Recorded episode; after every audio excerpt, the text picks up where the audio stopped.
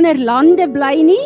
Ons uh, vorm 'n eenheid hier uh, met uh, die groep wat fisies hier is. Ehm um, ek uh, moet vir julle sê dit voel nie vir my as ek hier staan of ons op vakansie was nie want ek het nie een Sondag weggebly nie. Maar ehm uh, so teen Vrydag toe Ruben en Willa en Johan uh redelik geskimp laat ek laat ons 'n bietjie langer wegbly want dit was baie lekker geweest. Maar ek uh, moet vir julle sê my verantwoordelikheidsbesef is altyd die ene wat wen. Maar uh, nie omdat ek nie wou nie, dis my lekker om terug te wees en ek besef net dat Sondag vir al wat ons hier is 'n familie bymekaar kom is vir my so prioriteit in my lewe en as ek kan sal ek dit vir niks mis nie. Kom ons staan in ons aanbid die Here eers.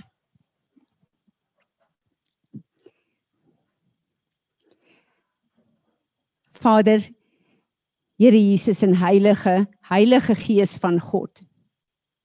Ons is ver oggend hier oor U. Ons is hier om U te aanbid. Ons is hier om ons fisiese tempels na hierdie tempel toe te bring as 'n lewende offer en te sê Here, ons wil onsself neerlê dat hier 'n soet geur van aanbidding uit ons uit kan kom. Ons is hier omdat U vir ons prioriteit is in ons lewe. Ons is hier om fisies te kom sê Here, ons kan nie 'n week ingaan sonder dat ons nie 'n dag aan U gewy het nie. En wanneer ons dit doen, Here, weet ons dat ons dit nie op hierdie dag doen omdat dit die Sabbatdag is nie. Maar ons doen dit op hierdie dag omdat ons 'n dag het wat ons program U die prioriteit in het en wat hierdie byeenkoms die hoogtepunt vir ons is. So ons wil ver oggend kom Here as lewende offers en ons wil onsself vir U kom gee en ons wil U nooi vuur van God kom brand deur ons en in ons. Ons wil U nooi, wind van God, Heilige Gees van God kom waai in en oor en deur ons. Ons wil U nooi, Heilige Gees, om hierdie program te neem, te doen wat op die hart van ons Vader is.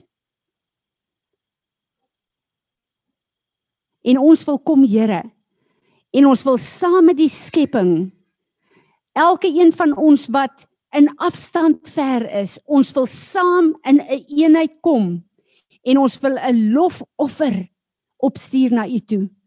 Ons wil kom verklaar dat daar niemand is wat met U vergelyk kan word nie. Ons wil kom verklaar Here dat U die een is wat nie net die skepper God is van die hemel en die aarde nie, maar U het ons geskape en U hou alles in stand. En dankie dat u woord sê, u die Here ons God verander nooit. U is gister, vandag tot in alle ewigheid dieselfde. Ons buig in aanbidding voor u. Ons wil ons liefde kom verklaar aan u. Ons wil met ontzag en vrees en bewering voor u kom staan. Ons wil kom en ons wil hierdie aanbidding wat ons ver oggend bring, wil ons as 'n lofoffer vanuit ons hele wese laat opstyg.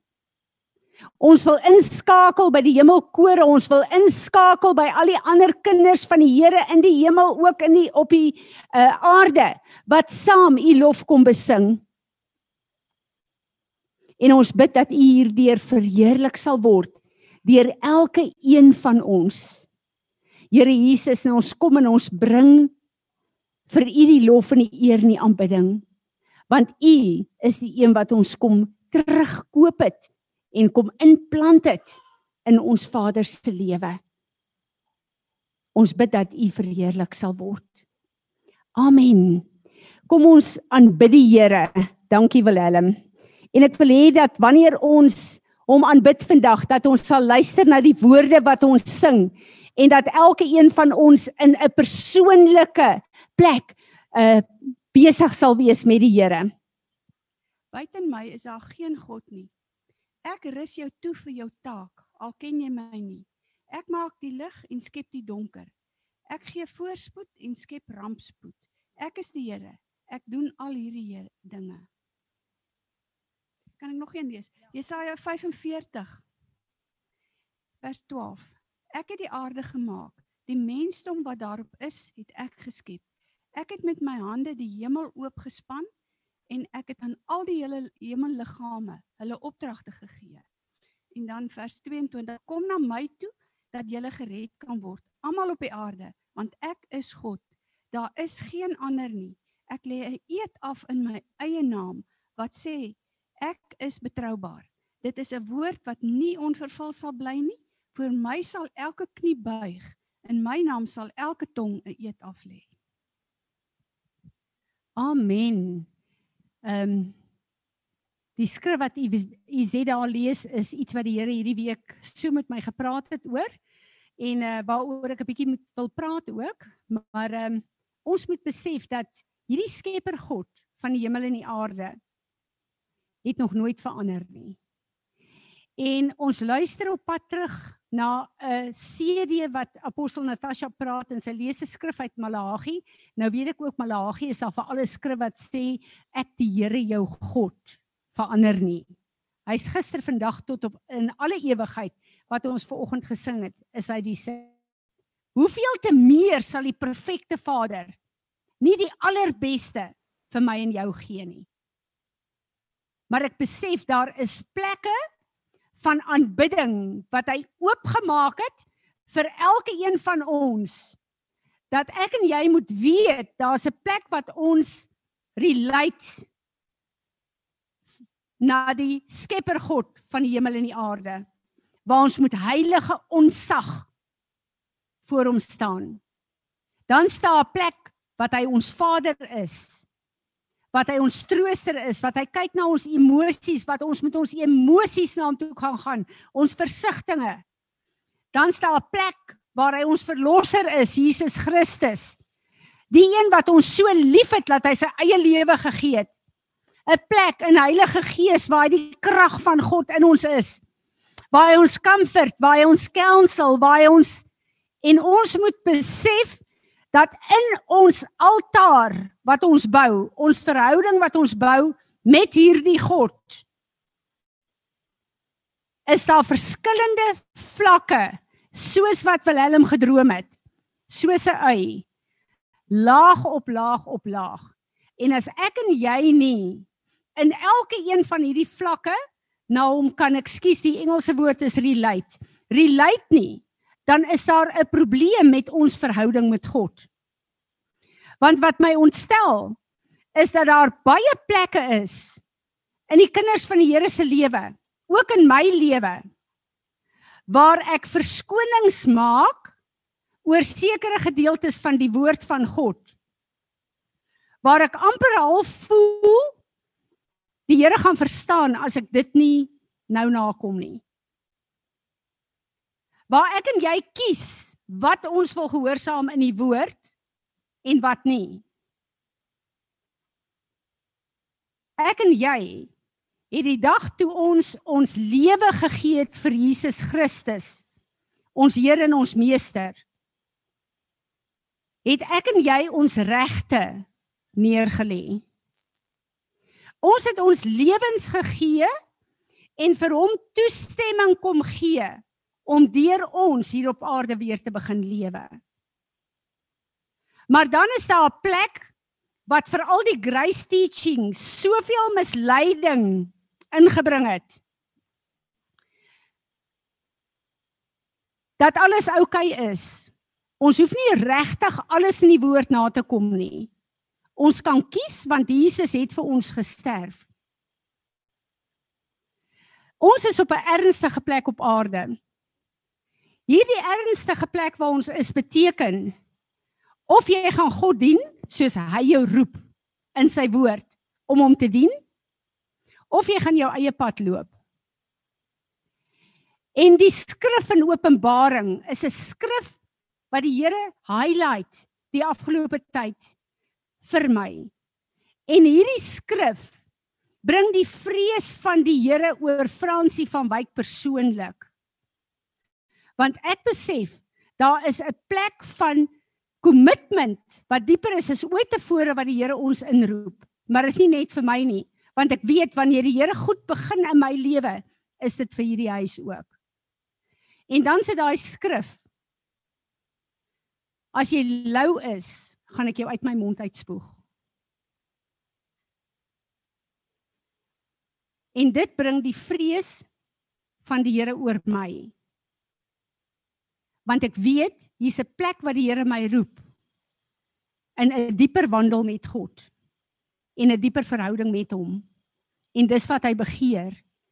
En ek sit en ek dink aan hierdie plek en ek sê vir die Here, Here, ek weet daar's baie plekke waar ek lou is wat as ek keuses het, dan kies kies ek baie keer my comfort. En dis of die Here vir my sê, ons het lank repent voor Rosh Hashanah, voor Yom Kippur. Ons het al die goed gedoen, ons het al die commitments gedoen. Terwyl ons daar is, beloof ons alles. Maar die oomblik as ons moet kom op die plek waar die Here nou die nuwe posisie wat hy ons kom plaas het, waarvoor ons gebid het, waarvoor ons gevra het, nou dat ons op daai plek staan, is daar 'n nuwe plek vir, vir van verantwoordelikheid wat ons hom moet volg. En ek besef julle, in die seisoene wanneer ons die feeste vier, wanneer ons doen wat ons moet doen, soos die plek van repentance, soos die plek van tabernakel, soos die is dit vir ons lekker om dit te vier, om daai teenwoordigheid van die Here te voel. Maar die oomblik as ons moet begin stap op die nuwe plek, dan beteken dit daar's 'n nuwe level van commitment. Wat beteken dit vir my en jou? As ek kyk na my eie lewe, dan dink ek ek het 'n goeie rotine in my verhouding met die Here, my woordbestudering, my bid, my worship, my Maar as die Here sê dis 'n nuwe plek waar daar 'n groter kommitment nodig is, dan besef ek dat kommitment is gelyk aan tyd. Dat my dagprogram moet verander want die Here soek meer tyd vir my want hy wil sy hart openbaar vir myself en ook vir hierdie huis.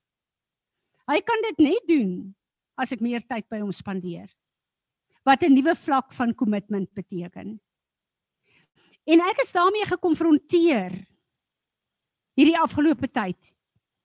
En ek besef die Here moet vir ons help dat ons nie deur al die lekker programme gaan soos die tye, soos die feeste, die Engelse sê the appointed times of God en laat ons aan die ander kant uitkom en ons lyk dieselfde as wat ons laas jaar gelyk het.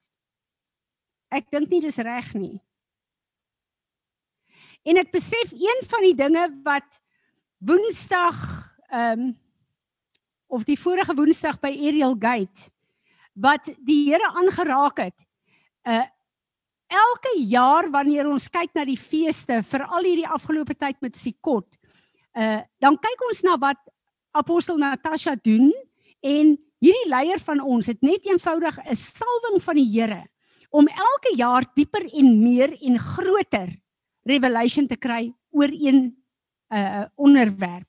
Om ons beter toe te rus, hoe moet ons wandel en hoe moet ons lewe op hierdie plek? Maar ek besef soos wat die Here vir ons meer openbaringskennis gee, beteken dit eintlik hy gee vir ons meer 'n groter verstaan en 'n beter toerusting vir wat ek en jy hier op aarde moet doen. En dan is dit baie keer moeilik as 'n mens dink ons dis so lekker om hierdie kennis en verstaan te kry. Maar wat maak ek en jy met die kennis en die verstaan? As jy gaan studeer, en hier's 'n hele klomp onderwyseresse by ons. As jy gaan studeer en jy gebruik no, en jy uh, maak klaar met jou graad en jy's toegerus en jy maar jy gaan nooit iets moet doen met jou studies nie. Gaan al daai tyd wat jy ingesit het om te studeer en jou te bekwam in 'n sekere rigting, gaan dit vir jou enigiets beteken? Nee. Dit gaan maar net met die tyd verlore gaan. Maar so is dit ook met die woord van die Here. As hy vir ons meer kennis gee, beter toerusting gee, 'n groter verstaan van die woord, dan beteken dit hy wil ons beter praktiserende kinders van die Here op die aarde hê. En ek besef dit is 'n plek waar die Here met my praat in hierdie seisoen. En ek wil die volgende ruk wil ek 'n paar potbeans doen oor altare. En ons het jare terug al geleer daaroor en ons weet baie daarvan, maar dit voel vir my of die Here 'n groter betekenis wil gee oor altare. En as ons geluister het na die skrif wat Izet gesê het, dan praat sy van die Skepper wat met sy eie hande geskep en gebou het. Ek en jy is nie beeld nie gelykenis van ons God geskape. Ons het presies dieselfde eienskappe as ons God. En soos wat ek en jy in die heel eerste plek as ons hom aanneem, begin ons onmiddellik met bouwerk. En die eerste ding wat ek en jy bou is 'n altaar. En as ons mooi kyk na 'n altaar, dan besef jy die heel eerste voorbeeld wat ons gehad het van 'n altaar is die tabernakel wat hulle moes gebou het wat 'n opvoubare altaar was wat vir ons die struktuur gegee het van wat doen jy by 'n altaar? Heel eers nader jy tot daai altaar. En dan gaan jy in die tabernakel in die buitehof in.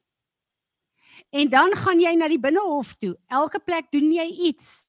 Jy kan nie die Here aanbid voor jy nie eers repent het nie. Voor jy nie is al hierdie goed wat skeiding maak tussen jou en God.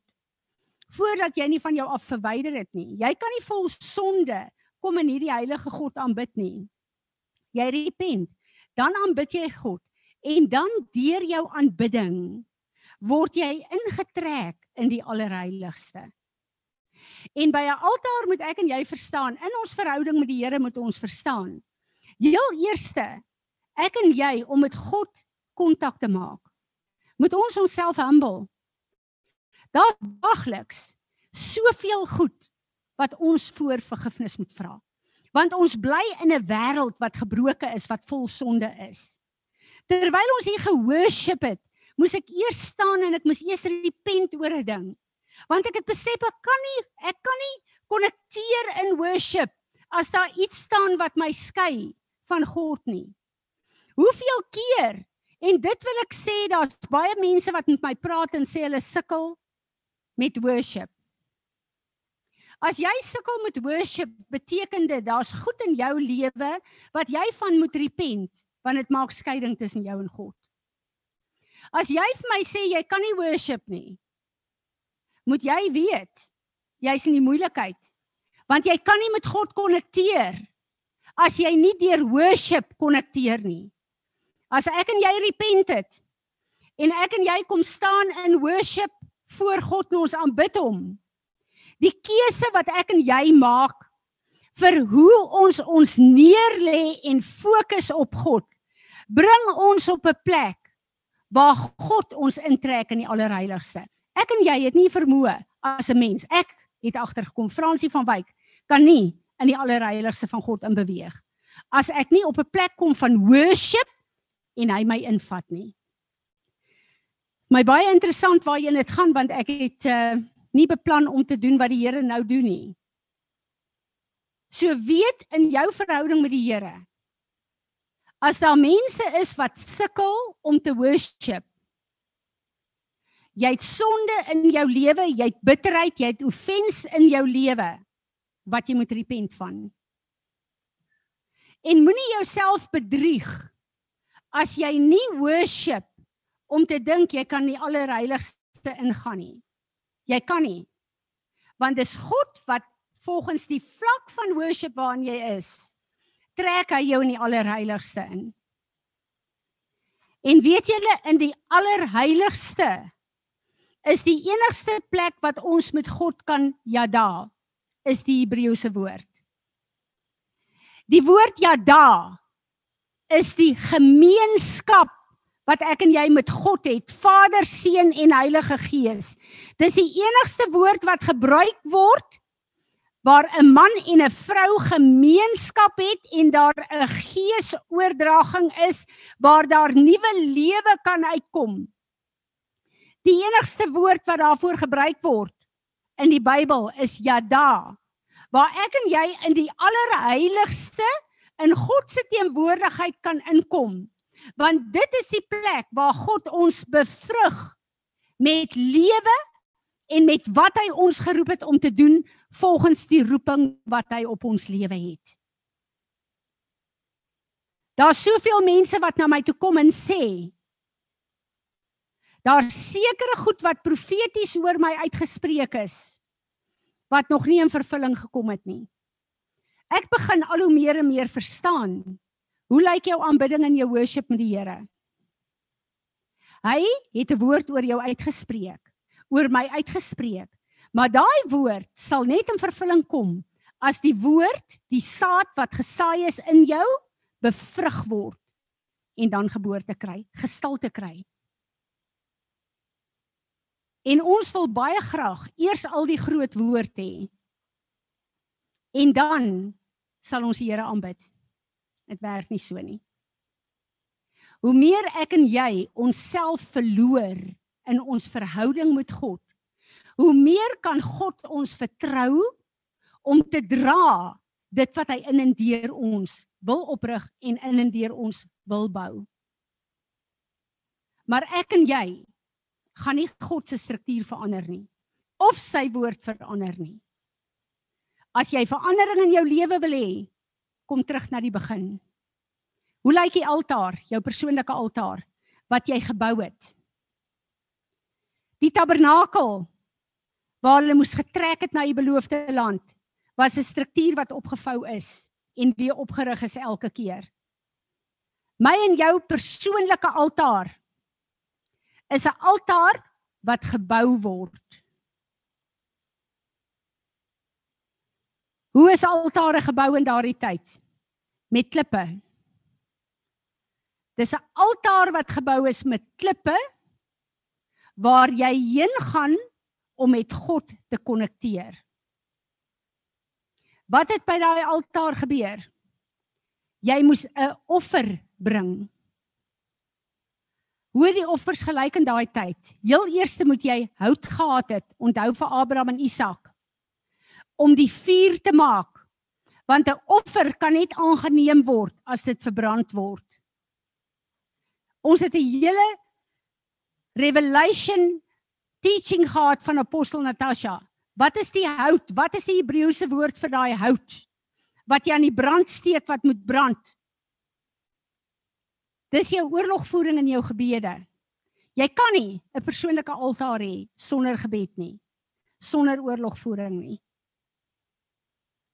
En dan in die Ou Testament het hulle offerings gebring offerings. Ons kom in die oggende en sê, I enter your gates with thanksgiving, 'n offering and with praise. Hulle het offers gebring en dit op die altaar geplaas. Wat beteken dit om 'n altaar te bou met klip? Dit beteken dis 'n heenwysing, dit moes met klip gebou word na die rots Jesus.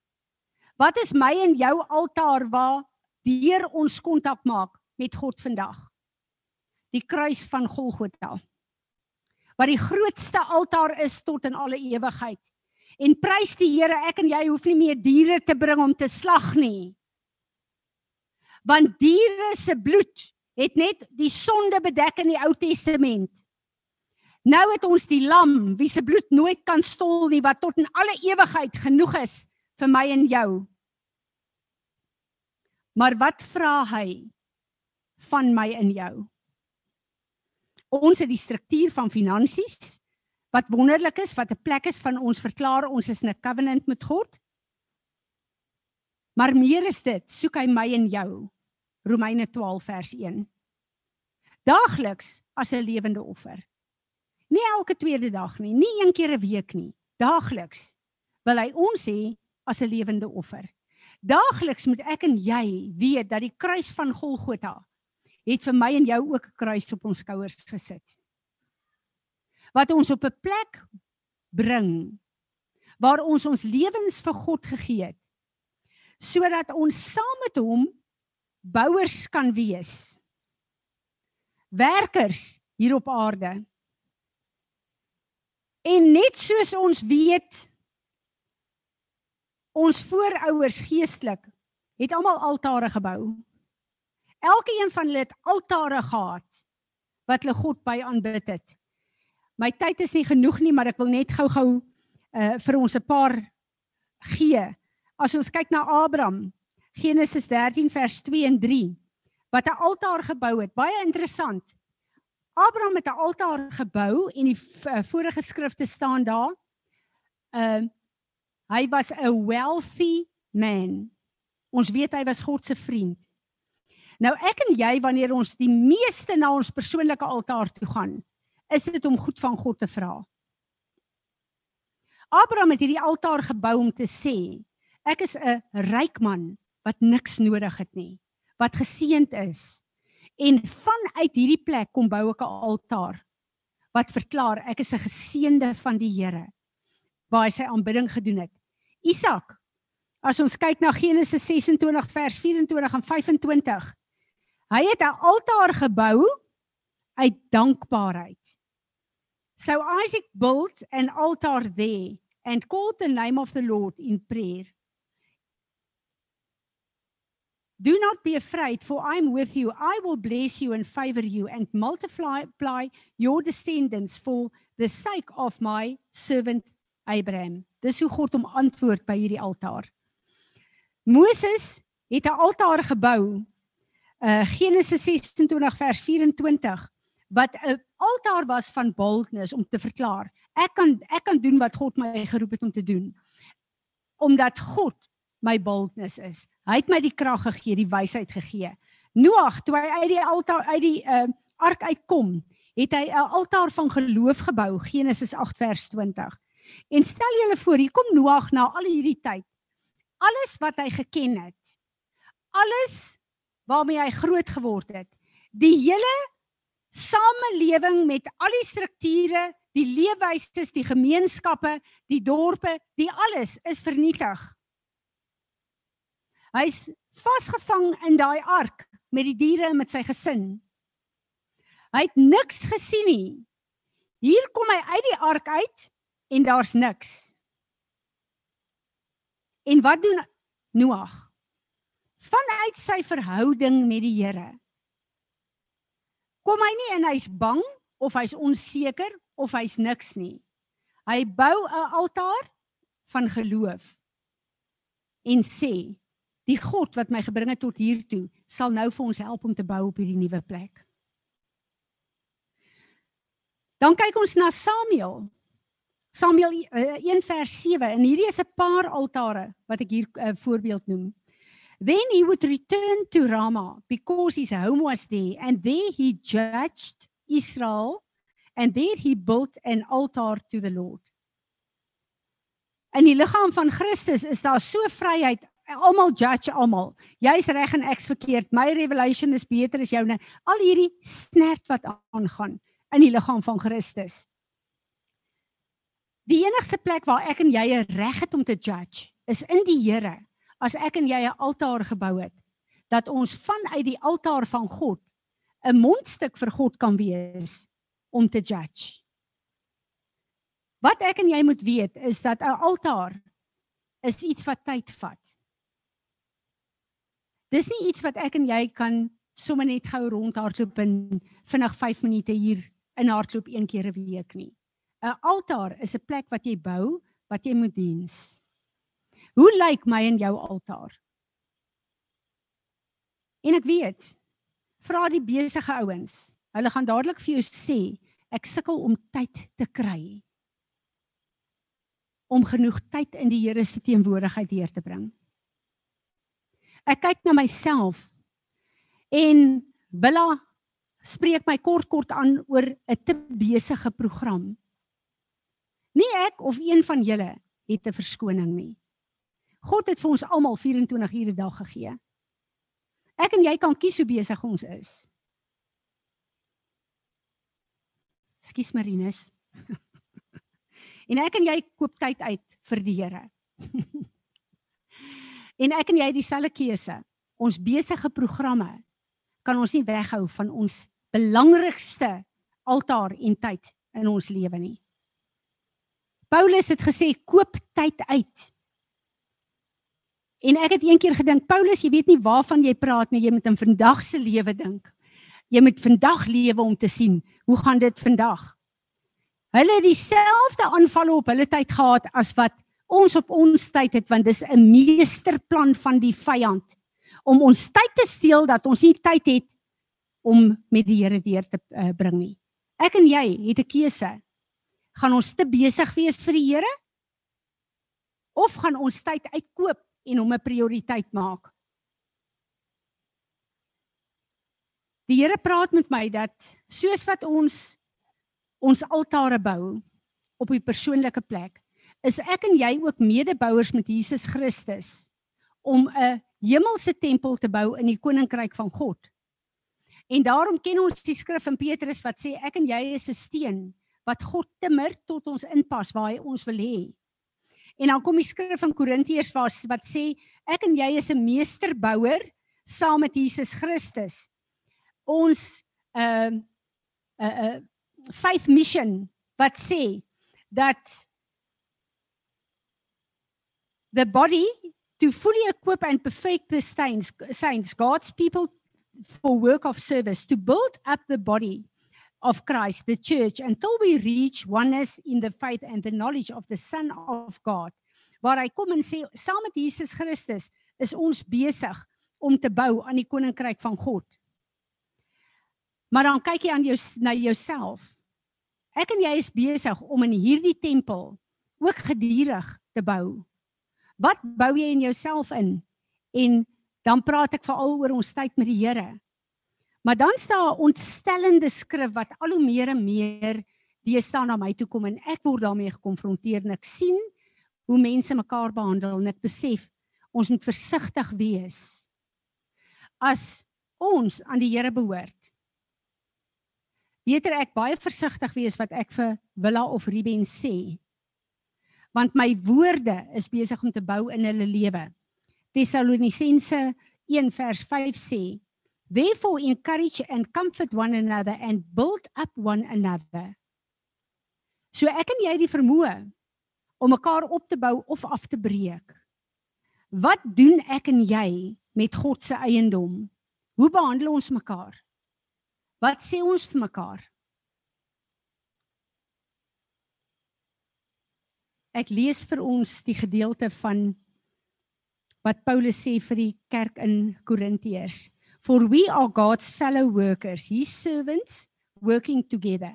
You are God's cultivated field, his garden, his vineyard, God's building, according to the remarkable grace of which was uh, of God which was given to me to prepare me for a task like a skillful master builder I laid a foundation and now another is building on it but each one must be careful how he builds upon it.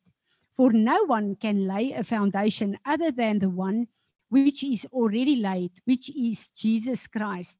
But if anyone builds on the foundation with gold, silver, precious stones, wood, hay, straw, each one's work will be clearly shown for what it is. For the day of judgment will disclose it, because it is to be revealed with fire. The fire will test the quality, the character, and worth of each, each person's work. If any person work which ha he has built on this foundation, that is any outcome of his effort remains and survives the test, he will receive a reward. But if any person's work is burnt up by the test, he will suffer the loss of his reward Yet he himself will be saved, but only as one who has barely escaped through fire. Do you not know and understand that you, the church, are the temple of God, and that the Spirit of God dwells permanently and collectively and, uh, in you? Terwyl ek dit lees, besef ek dat ons is 'n bouwerk in proses, net soos sy tempel 'n bouwerk in proses is.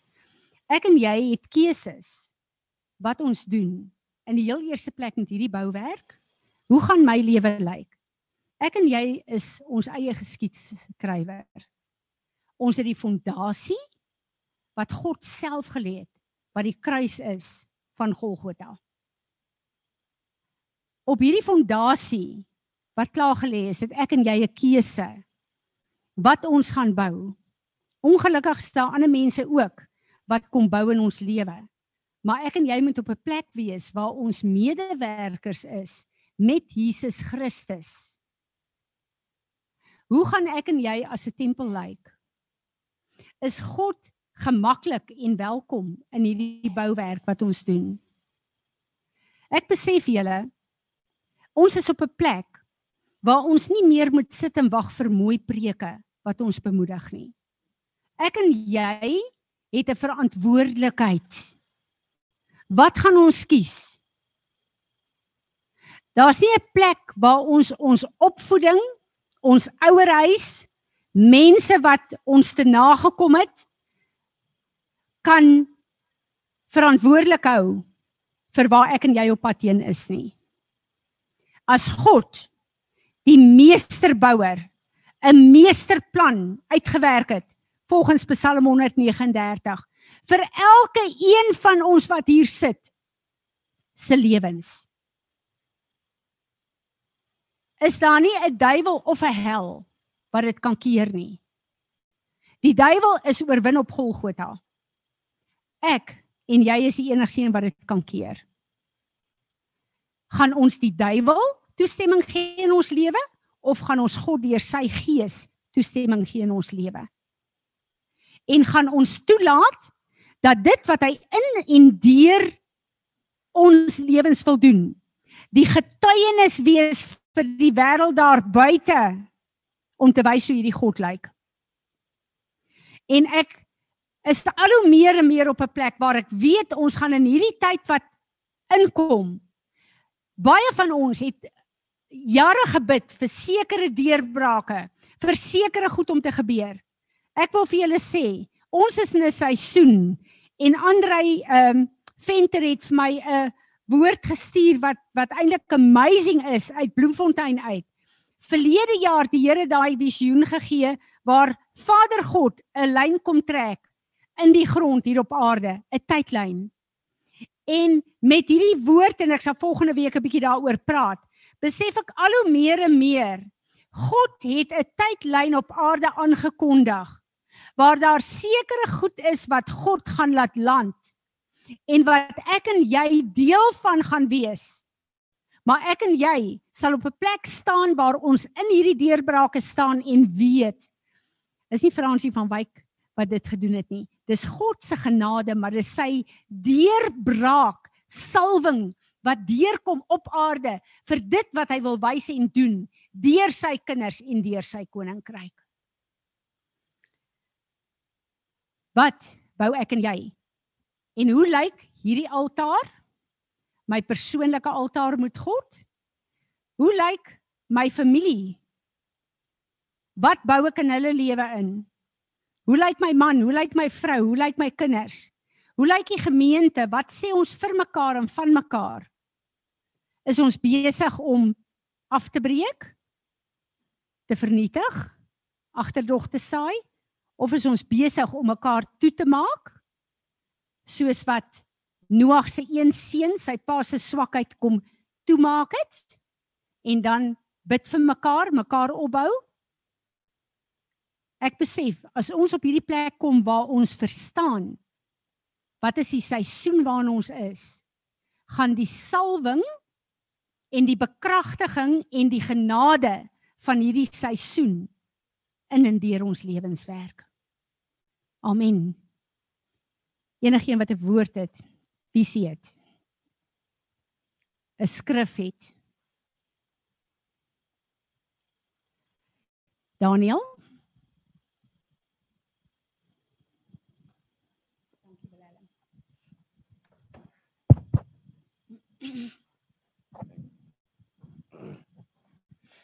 Ek wil net bid. Uh, ex- I'm asking you for help. Lord, I want to to live my life the way you want to you want me to you want me to. Help me not to be stuck in my past or get toward the future that I was missed the righteousness of the present. help me to experience the wealth of each moment. I don't I don't desire to take a single step apart from you, your presence. Fill me fresh with your Holy Spirit this day. Guide me in the way you want me to go. You are not moving me. I'm staying here until you have a clear leading from you. So please help me. Help me, God. Amen. Kom ons staan Daniel. Daniel staan so hier voor. Vader God. Dankie dat ons u lewende offers is. Ons wil onsself opnuut vir u gee. Ons wil kom vergifnis vra vir alles wat ons gebou het wat nie van U af is nie. Asseblief vernietig dit in hierdie dag. Ons wil kom verklaar. Ons begeerte is om hierdie nuwe plek in te neem as medebouers met Jesus Christus ons Heer en Meester. Kom leer ons. Kom rus ons toe. Bekragtig ons sodat U naam deur ons verheerlik sal word. Amen. Dankie Daniel. Enige iemand wat nog 'n woord het, Natasha?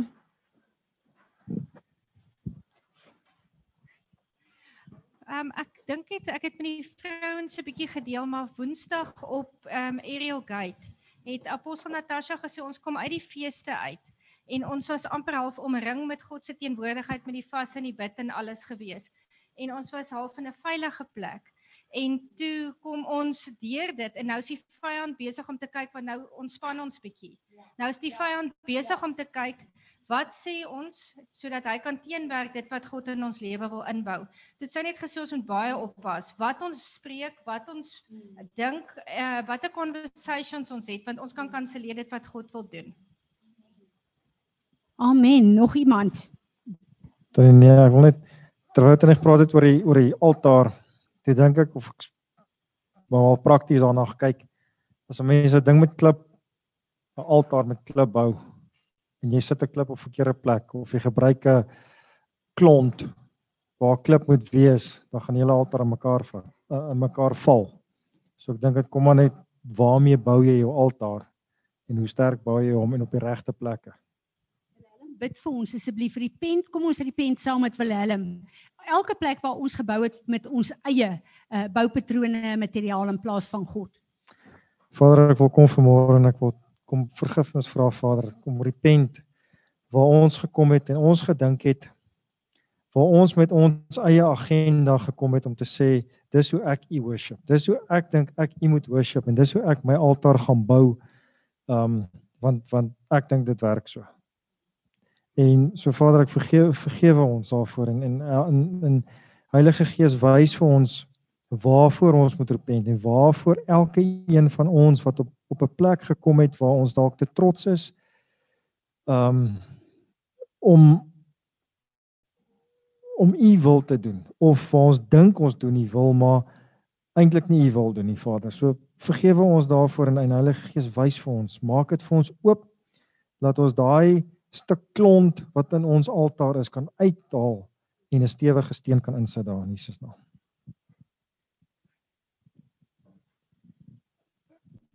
iewers het ek gelees dat die altare van ongekapte klip gebou moet word. So ons moet nie probeer die klippe eers reg kry voor ons die altaar bou nie. Ons moet net kom en bou. Dankie Mannie.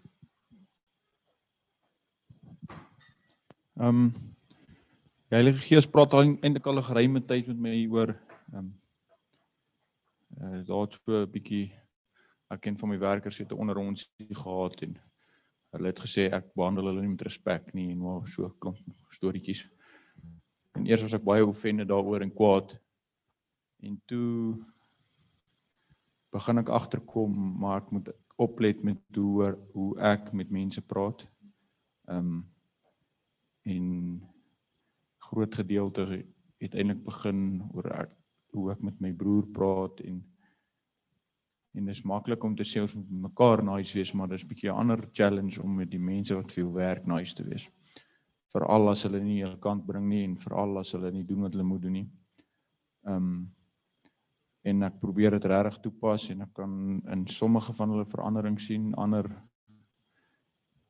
nie regtig nie, maar dit het ek nog al geleer ou sou altyd mense kry wat saamwerk en jy sou altyd die kry wat nie regtig verandering gaan wys nie, maar wat ek wil sê is ek dink dit ons kom uit die jaar van die mond uit en as ons nie gaan toepas wat ons geleer het nie dan het ons die hele jaar se doelwitte gemis dink ek. Ehm um, So wat ek eintlik daarmee wil sê is ja, ons moet reg praat met ons meisie of ons vrou of ons familie, maar die groot uitdaging gaan met die wêreld rondom jou. Want vir die meeste mense is dit die Bybel wat hulle elke dag lees, is hoe jy optree. En ek sê dit nou nie omdat ek dink ek doen dit reg nie.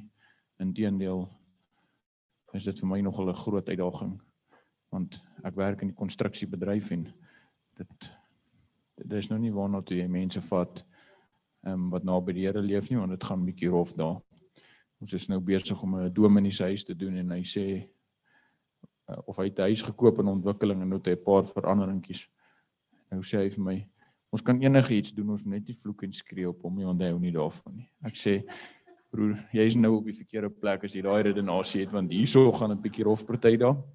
Um, maar wat ek daardeur wou sê is ou moet regtig ek dink ehm um, Tannie was spot on vandag met wat Tannie gesê het. Wat die Here gesê het. Voor jy sê ehm um, is dit wat vir my daar's hierdie goeters wat ek vandag gesê het, ken ons almal. Ons almal het al baie preke gehoor. Maar dis of die Here vir my highlight dat ons woorde boublokke is. En laat ons nie net in ons eie lewe bou nie, maar ook in mekaar se lewe. En wat bou jy? En dit vir my so 'n skok gewees om te besef dat my man is God se bouwerk. Die fondasie is die kruis omdat hy het gekies het. Wat kom bou ek daarop? Uh, ek het geskrik uh, oor iets wat ons nou by Ariel Gate geleer het wat eintlik maar dieselfde is as wat jy ver oggend gesê het en ehm um, wat ek besef het eh, toe hulle al die skrifte aanhaal want hulle naderhand opgehou so baie skrifte is daar in die Bybel daaroor ons het elkeen 'n boek wat God gaan oopmaak die dag as ons voor hom staan. Jou persoonlike boek. Hy het daai boek vir jou geskryf voor die grondlegging van die wêreld vir jou persoonlik voor hy jou wêreld toe gestuur het. En die dag as jy voor hom staan moet jy verduidelik wat het jy gedoen wat in daai boek staan. En apostel Natasha het 'n voorbeeld gebruik van 'n groot kerkman wat voor God gestaan het en sy boek is oopgemaak en hy twee bladsye het hy gedoen van dit wat God geskryf het. So ons moet hierdie altaar bou volgens wat God geskryf het. Ons kan nie ons eie boek skryf nie. Dit gaan nie werk nie. Dis nie wat God vra nie. Hy wil 'n altaar hê volgens die boek wat hy vir ons geskryf het. Amen. Uh nou ja, ons bid laaste ehm um, ek het nou gedink ek wil laat Riet hulle daar uit Engeland uit. Ek sien Mark en Karika is ook daar.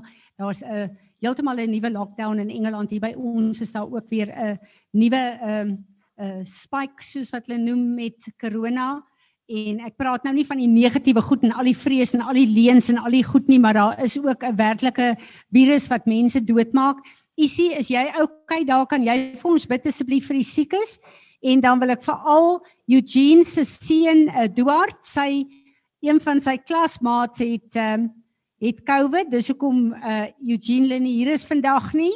So daai skool is weer toe is gevolg van COVID. As jy vir ons sal bid en dan spesifiek ook vir jou skoonpa en vir Erna en ons werkers. En uh dan sê ons vir die Here dankie vir François wat weer saam met ons hier kan wees. Verder klink dit of ons gemeente uh dit goed gaan Isaan se been lyk like, uh goed op hierdie omstandig uh op hierdie stadium. So as ons net bid meer vir die COVID en vir die wêreld uh wyd daarvan en dan veral vir Engeland waar Maak en Karika en Riet hulle bly asseblief.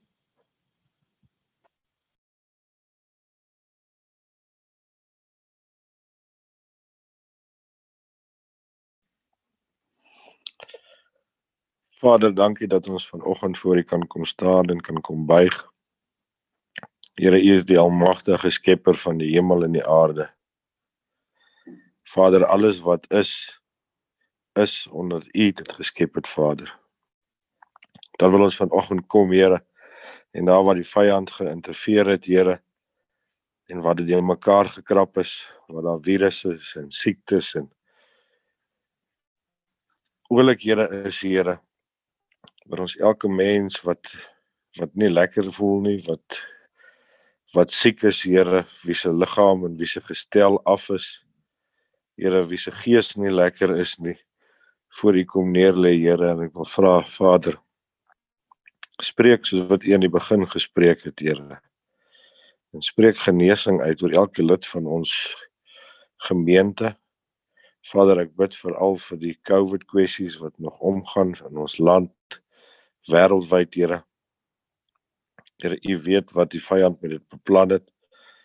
Here, en al is daar baie ongeruimthede by betrokke, Here, bly dit 'n werklikheid dat mense siek is daarvan, Here. Ons kom dra elke een aan U op, Vader, en ons vra dat U uit U wonderbaarlike genesende krag elke mens sal genees. Bid dit Vader nie omdat dit enigstens verdien nie, maar enkel alleen uit U genade. Amen. Nik sien jy kans om vir ons te bid vir Israel. Dankie Mannie, ek wil sommer heen vir ons bid vir Suid-Afrika en ehm um, Sarel, jy bly by Amerika asseblief. Ja Vader, ons staan net in word stil vandag. Here in die gees kom staan ons saam met Israel, Here, en ek wil Israel aan U opdra vandag, Here, die volk wat U vir U uitgekies het. Here, die volk waar die wortels en die beginsels van ons geloof vasgelê is, Here. Here, kom wandel deur daai strate en kom giet u vrede uit oor Israel, u beskerming, Here. Dat u hand soos 'n koepel oor hulle sal wees, Here, dat niks hulle sal aanval nie en Here, ek bid vir 'n revival onder die Jode. Ek bid vir 'n 'n vars uitstorting van die Heilige Gees in revelation knowledge, Here, soos nog nooit vantevore nie. Dat dit deur die strate van Israel sal vloei soos water, Here, en dat u heilige salwing daar sal wees vir elke persoon wat U aangeneem het, ook die wat U nie aangeneem het nie in Jesus se naam. Amen.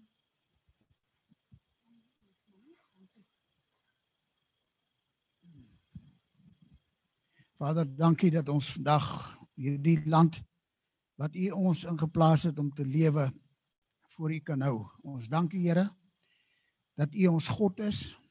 En Here dat ons U kinders is en dat ons vandag omdat Jesus aan die kruis vir ons gesterf het, ook 'n beroep op U te kan doen vir dit wat ons wil hê. Here, ons vra dat U vrede in hierdie land teweeg sal bring.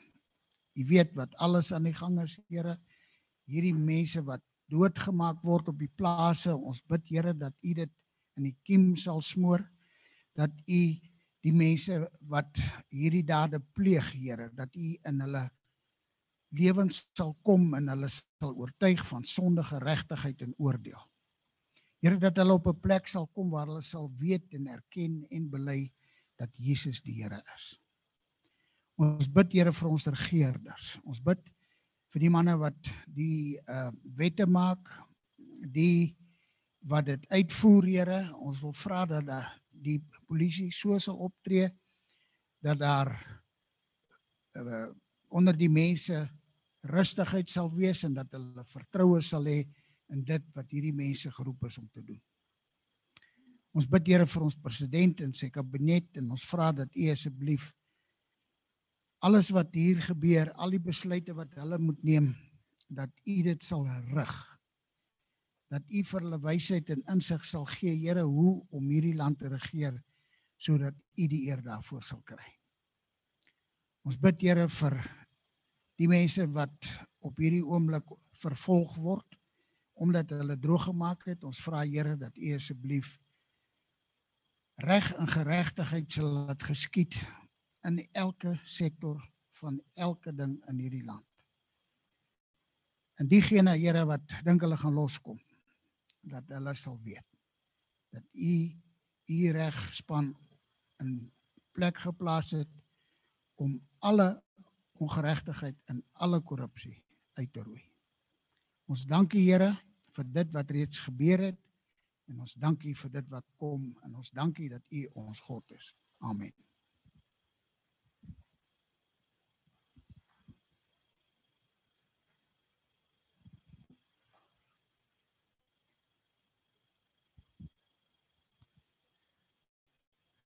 Here, ek bid vir Amerika vanoggend. Jy weet die hele wêreld se oë is nou op hulle voor hulle verkiesing en ek bid in Jesus naam dat waar daar baie goed in die fisiese aangaan en weet ek in die gees gaan ook baie aan. Ek bid dat U die goed op plek sal skuif, dat U die persone sal verwyder wat nie daar moet wees nie. Dat U gen sal gee vir die persone wat U op plek wil stel, wat U wil gebruik daar. Here wat daar gebeur is belangrik vir die hele wêreld eintlik. Um hulle uh, vat voor verskeie gebiede Here en ek bid in U naam dat U net eenheid sal bring daar en dat U hulle sal seën en dat die uitkoms van daai verkiesing sal wees wat U perfek wil hê in Jesus naam. Amen. Soos wat Sarel gebid het, ehm um, die van julle wat bid saam met uh, apostel Tim, uh, ek dink dit is baie belangrik dat ons in hierdie tyd sal bid wat op Vader God se hart is vir Amerika. En vir my is dit altyd so 'n beginsel, 'n geestelike wet wat God daar gestel het. Wat ons saai in gebed in Amerika, kry ons se oes in ons eie land ook. En ons vertrou die Here dat daardie verkiesing absoluut binne sy raadsplan sal wees vir dit wat nie net in Amerika moet gebeur nie, maar ook in die nasies van die wêreld. Vader, ons wil vir U dankie sê vir elke woord wat ons vandag ontvang. Ons wil kom en ons wil vir Michal ehm um, uh uh in uh, in vir Johanna in opdra Here waar hulle is in ander lande wil ons vra dat U asseblief hulle sal seën dat U hulle sal beskerm dat U die regte deure vir hulle sal oopmaak en Vader laat U elke woord wat uitgaan van hierdie plek af Here in hulle sal deponeer omdat hulle deel is van hierdie huis en dat hulle ook daardie vrug sal sien van die saad wat U vir ons saai elke Sondag hier in die naam van Jesus Christus. Amen. Ons gaan nou die verbondsmaal doen. Ehm um, ek wag net gou vir Annelie. Eugene moes dit gedoen het en ehm um, hy kon toe nie gekom het ver oggend nie. So Annelie is by die kinders. Ons wag gou vir haar en dan ehm um, sluit ons af met die verbondsmaal.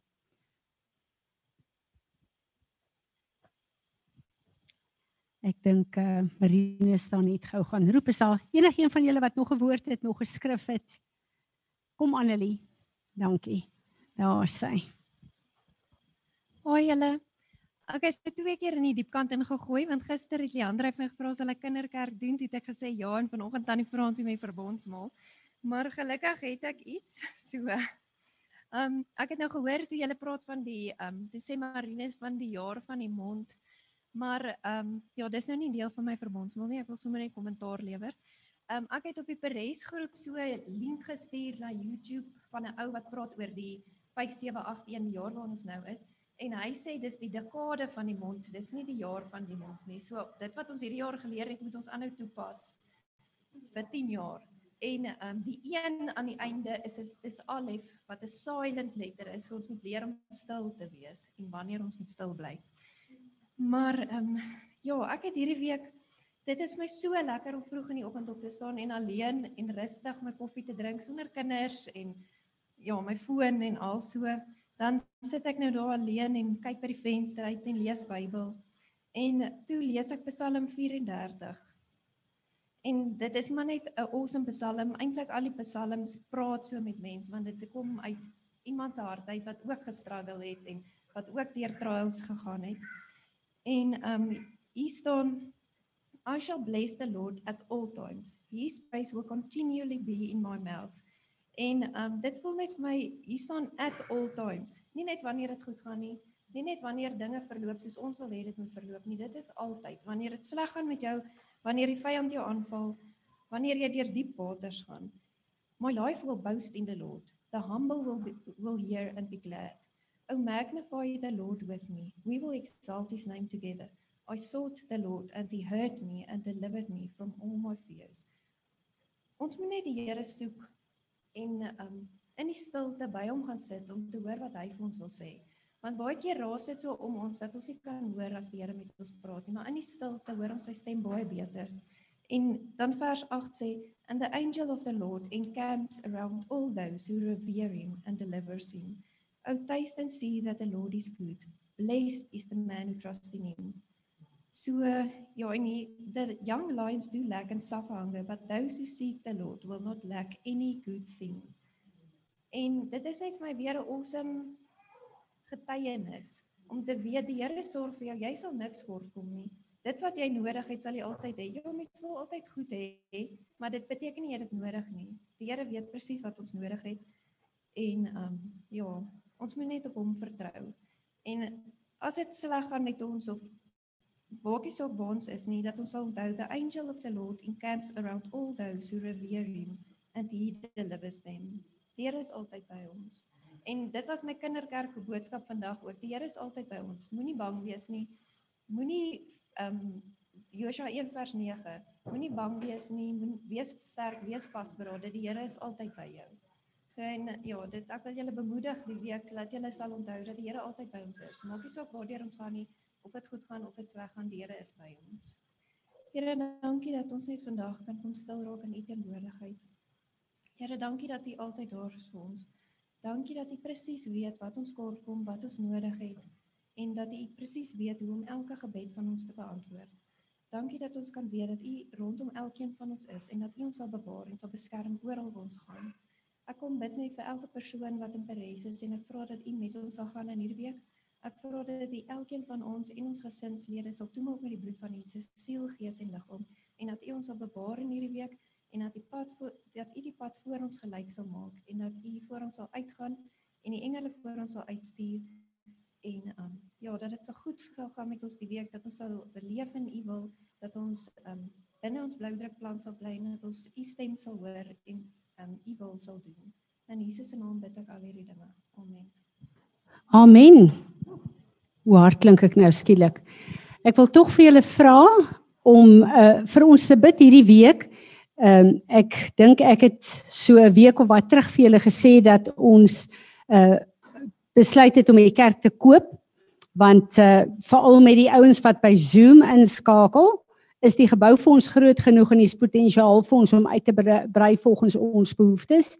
En ehm um, wat vir my regtig 'n uh, bevestiging was is toe die Here met my daaroor praat toe uh gee die Here vir my 'n 'n bedrag 'n prys vir die vir die kerk. En ek dink toe by myself, "Sjoe, dis baie laag." Ek dink, uh, "Hoor ek die Here of nie?" En ek los dit toe daar. En ehm um, toe ek in Johan praat met die mense van die van die uh kerk, toe sê hulle dis reg, maar ons moet 'n prys maak. En ek sê toe nee. Ek gaan nie 'n prys maak nie. Hulle moet vir my prys sê want nou weet ek of dit die Here is of nie. En Johan sê voor die tyd vir my ons moet kyk of ons dalk kan wegkom vir so 750 000 wat 'n baie goeie prys is, maar ons het nou al baie hierin belê. En die man en die vrou kyk vir mekaar en hulle bly 'n bietjie stil en die man kyk vir my en hy sê 450 000 rand. En dis die bedrag wat die Here my gegee het. Toe weet ek dit is wat die Here sê ons moet doen. So hierdie week gaan ons praat en doen en uh dan waarskynlik die plek koop en uh daar's 'n klomp goed wat op plek moet kom wanneer ons leierskap bymekaar kom, maar uh dit gaan dan uh vir die volgende weet nie wat die Here wil doen nie, klompie jare die plek wees waar ons kan ontwikkel en bietjie onsself lekker kan vestig. So Vader, dankie vir hierdie oggend. Dankie Vader dat ons hier kan staan as die geseëndes van die Here. Dankie Here dat ons kyk ook na die gebou wat ons wil koop en ons weet dit is een dis u hart vir ons en dan kan ons net ons hoofde laat buig in totale dankbaarheid en ons kan sê Here daar is niemand wat met u vergelyk kan word nie. So ek wil kom en ek wil u seën oprig oor elke persoon hier. Ek wil u name oprig oor elke een van ons Here en ek wil vra dat u ons sal seën met die volheid van wie U is in en deur elkeen van ons in die naam van Jesus Christus. Amen. Amen.